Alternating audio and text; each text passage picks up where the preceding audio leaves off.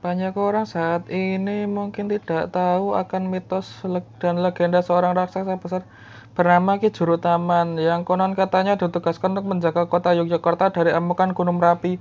Diyakini judulnya adalah abdi dalam setiap pendiri kerajaan Mataram dikenal jujur dan jujur dan lugu.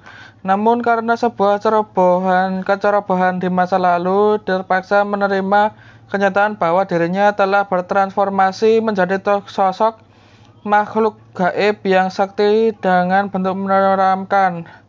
Meskipun begitu, beliau tetap patuh mengucap janji setia untuk mengabdi kepada Mataram dengan menjaga Mataram dari letusan Gunung Merapi. Beliau berjanji untuk menjaga anak cucu Mataram dari lahar panas maupun dingin dan melempar semua material ke arah lain.